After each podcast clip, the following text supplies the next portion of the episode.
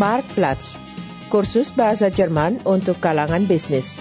Sebuah produksi bersama Radio Deutsche Welle, Kamar Dagang dan Industri Jerman, serta Lembaga Karl Duisberg.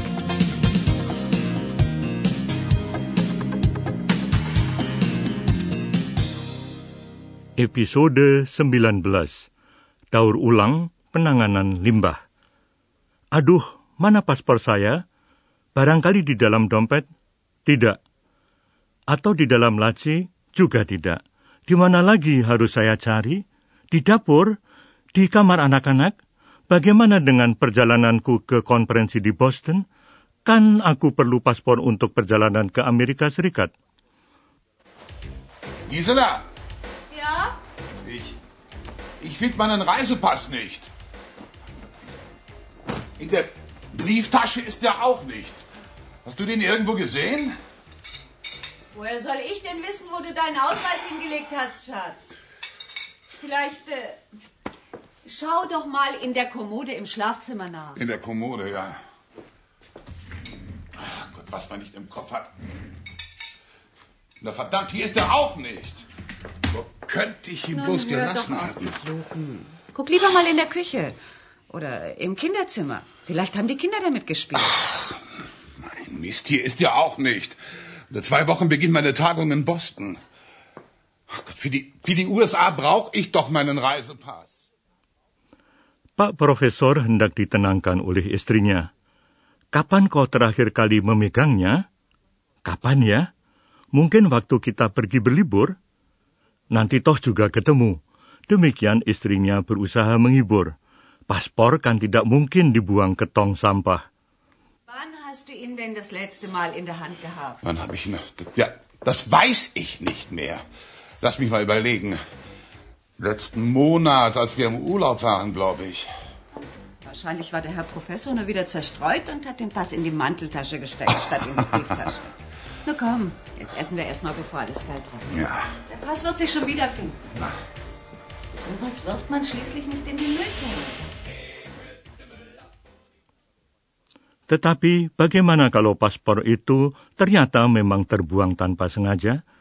Kira-kira 10 tahun yang lalu, benda apa pun yang terbawa dalam sampah akan hilang untuk selama-lamanya. Para petugas sampah tidak memilah-milah isi tong sampah meskipun mungkin terdapat barang berharga seperti uang, cek, perhiasan mahal, atau anak kunci. Dewasa ini sampah semakin sering disebut bahan baku sekunder atau limbah yang dapat didaur ulang. Bukan hanya sebutan untuk sampah yang telah berubah, melainkan juga sikap terhadap benda-benda yang seakan-akan tidak dibutuhkan lagi. Penanganan limbah, yaitu pengumpulan dan pengolahan kembali, merupakan kata kunci yang menjelaskan kegiatan satu cabang industri tersendiri di Jerman. Sampai pertengahan tahun 70-an, tak seorang peduli tentang tempat sampah. Akhirnya menumpuk bahan polietilen, kertas kotor, sisa makanan, baterai bekas, kaleng, kaca, dan material pengemasan. Penanganan limbah dilakukan dengan kendaraan yang datang sekali seminggu untuk membawa sampah ke lokasi pembuangan yang tidak tertata. Di Jerman Barat saja terdapat sekitar 40 ribu lokasi pembuangan sampah pada pertengahan tahun 70-an. Jumlah itu belum mencakup lokasi pembuangan liar tempat sampah dibuang tanpa pengawasan. Di penghujung tahun 70-an, orang akhirnya sadar betapa berbahaya pembuangan sampah seperti itu. Zat-zat beracun secara langsung merembes ke tanah. Di beberapa daerah timbul bahaya pencemaran air minum. Sejumlah upaya untuk memanfaatkan lokasi pembuangan sampah yang telah ditutup untuk keperluan lain ternyata gagal total. Peralatan berat memadatkan lapisan sampah setebal beberapa meter dan bagian teratas diberi selapis tanah. Kemudian dilakukan pembangunan kompleks pemukiman indah dengan rumah-rumah bermutu tinggi. Akan tetapi, rumah-rumah itu tidak dapat dihuni akibat bahaya pencemaran kronis. Berikutnya diputuskan untuk memberi batas sebaik mungkin, kadang-kadang bahkan batas yang kedap antara bekas lokasi pembuangan sampah dan tanah di bawahnya. Bekas lokasi pembuangan sampah dipisahkan dari lingkungan sekeliling dan diberi tanda peringatan dilarang masuk. Untuk sementara, langkah itu dianggap sudah memadai. Penanganan sampah selanjutnya dilakukan dengan instalasi pembakaran sampah. Namun, kemudian diketahui bahwa zat beracun seperti dioksin tetap terlepas ke udara meskipun telah digunakan penyaring dan bahwa proses pembakaran menyisakan kerak. Mengatasi pencemaran seperti itu sangat sulit. Kecuali itu muncul berbagai pihak yang menentang instalasi pembakaran sampah. Setiap kali ada desas-desus mengenai pembangunan instalasi seperti itu atau mengenai pembukaan lokasi pembuangan sampah baru, langsung terbentuk kelompok aksi yang melancarkan kegiatan protes.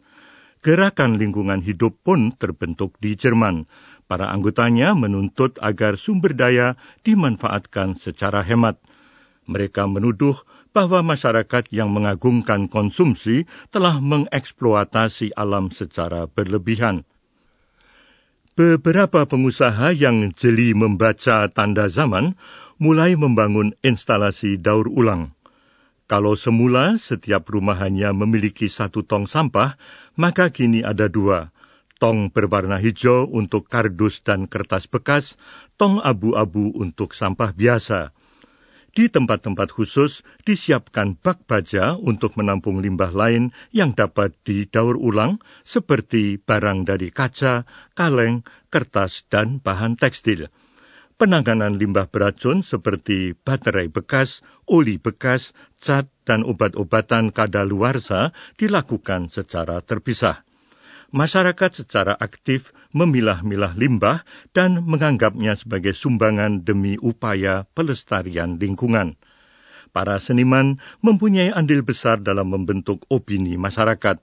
Berbagai pameran menampilkan patung dari limbah, perabot mahal dari semacam bubur kertas yang dibuat dengan kertas daur ulang.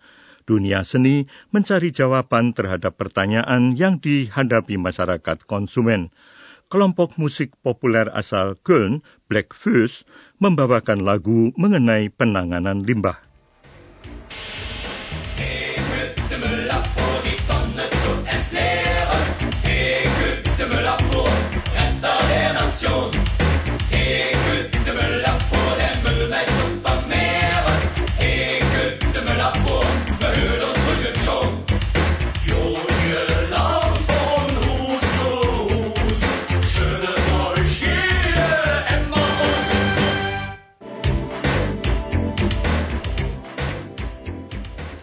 Namun gunung sampah rumah tangga semakin tinggi, terutama akibat banyaknya kemasan, sampai pemerintah pusat mengambil tindakan pada tahun 1991 dengan mengeluarkan peraturan mengenai kemasan.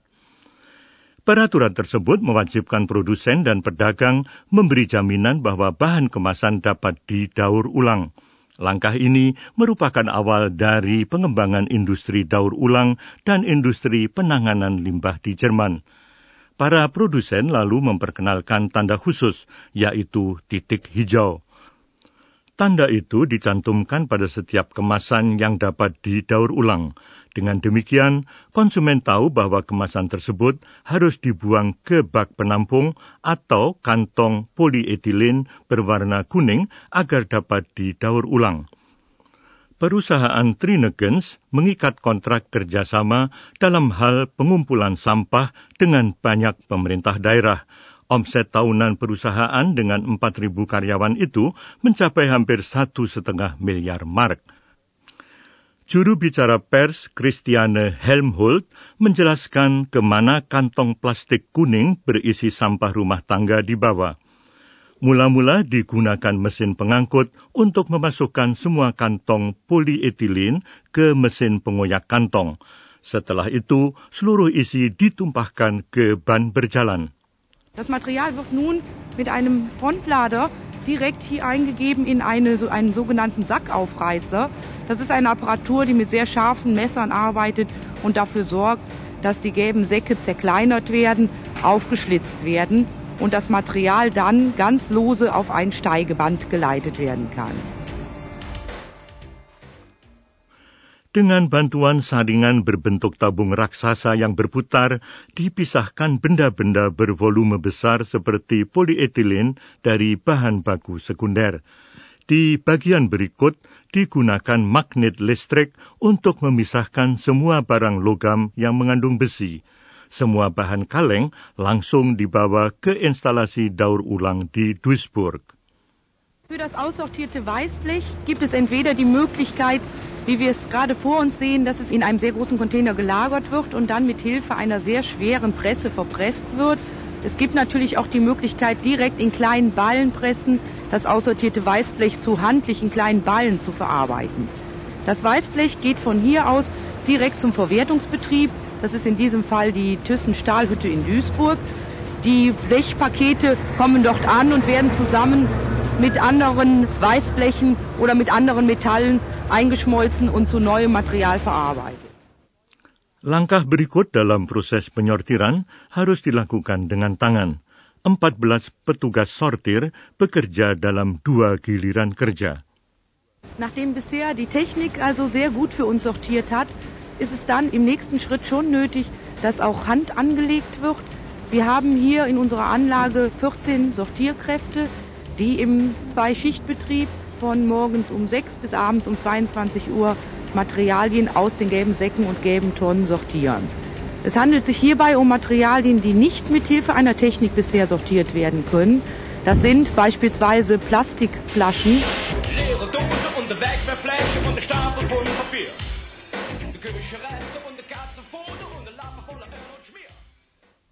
Pernah terjadi bahwa para pekerja di ban berjalan menemukan peluru di tengah sampah, suatu kali bahkan sebuah basoka.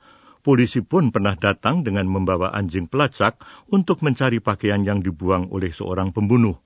Mereka berhasil dan kejahatan itu akhirnya terungkap. Akan tetapi, kasus seperti itu sangat jarang, kata Insinyur Wolfgang Peters, kepala bagian penyortiran. Tetapi dompet berisi kartu identitas itu relatif sering ditemukan di sini. Orang-orang selalu senang sekali jika memperoleh kembali dokumen yang disangka telah hilang. Die einzige Möglichkeit, überhaupt was zu finden, größtenteils sind meistens Ausweise, Portemonnaies, wo die Ausweise drin sind. Da haben wir eigentlich schon eine relativ hohe Trefferquote. Da benachrichtigen wir die Leute und dann ist halt eigentlich meistens sind die auch ziemlich zufrieden, weil die den ganzen Laufkram zu den äh, Ämtern dann nicht mehr haben.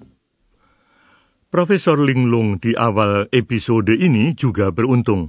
Tiga hari setelah menyadari bahwa paspornya hilang, pesawat telepon di rumahnya berdering. Rupanya dari petugas di lokasi pembuangan sampah.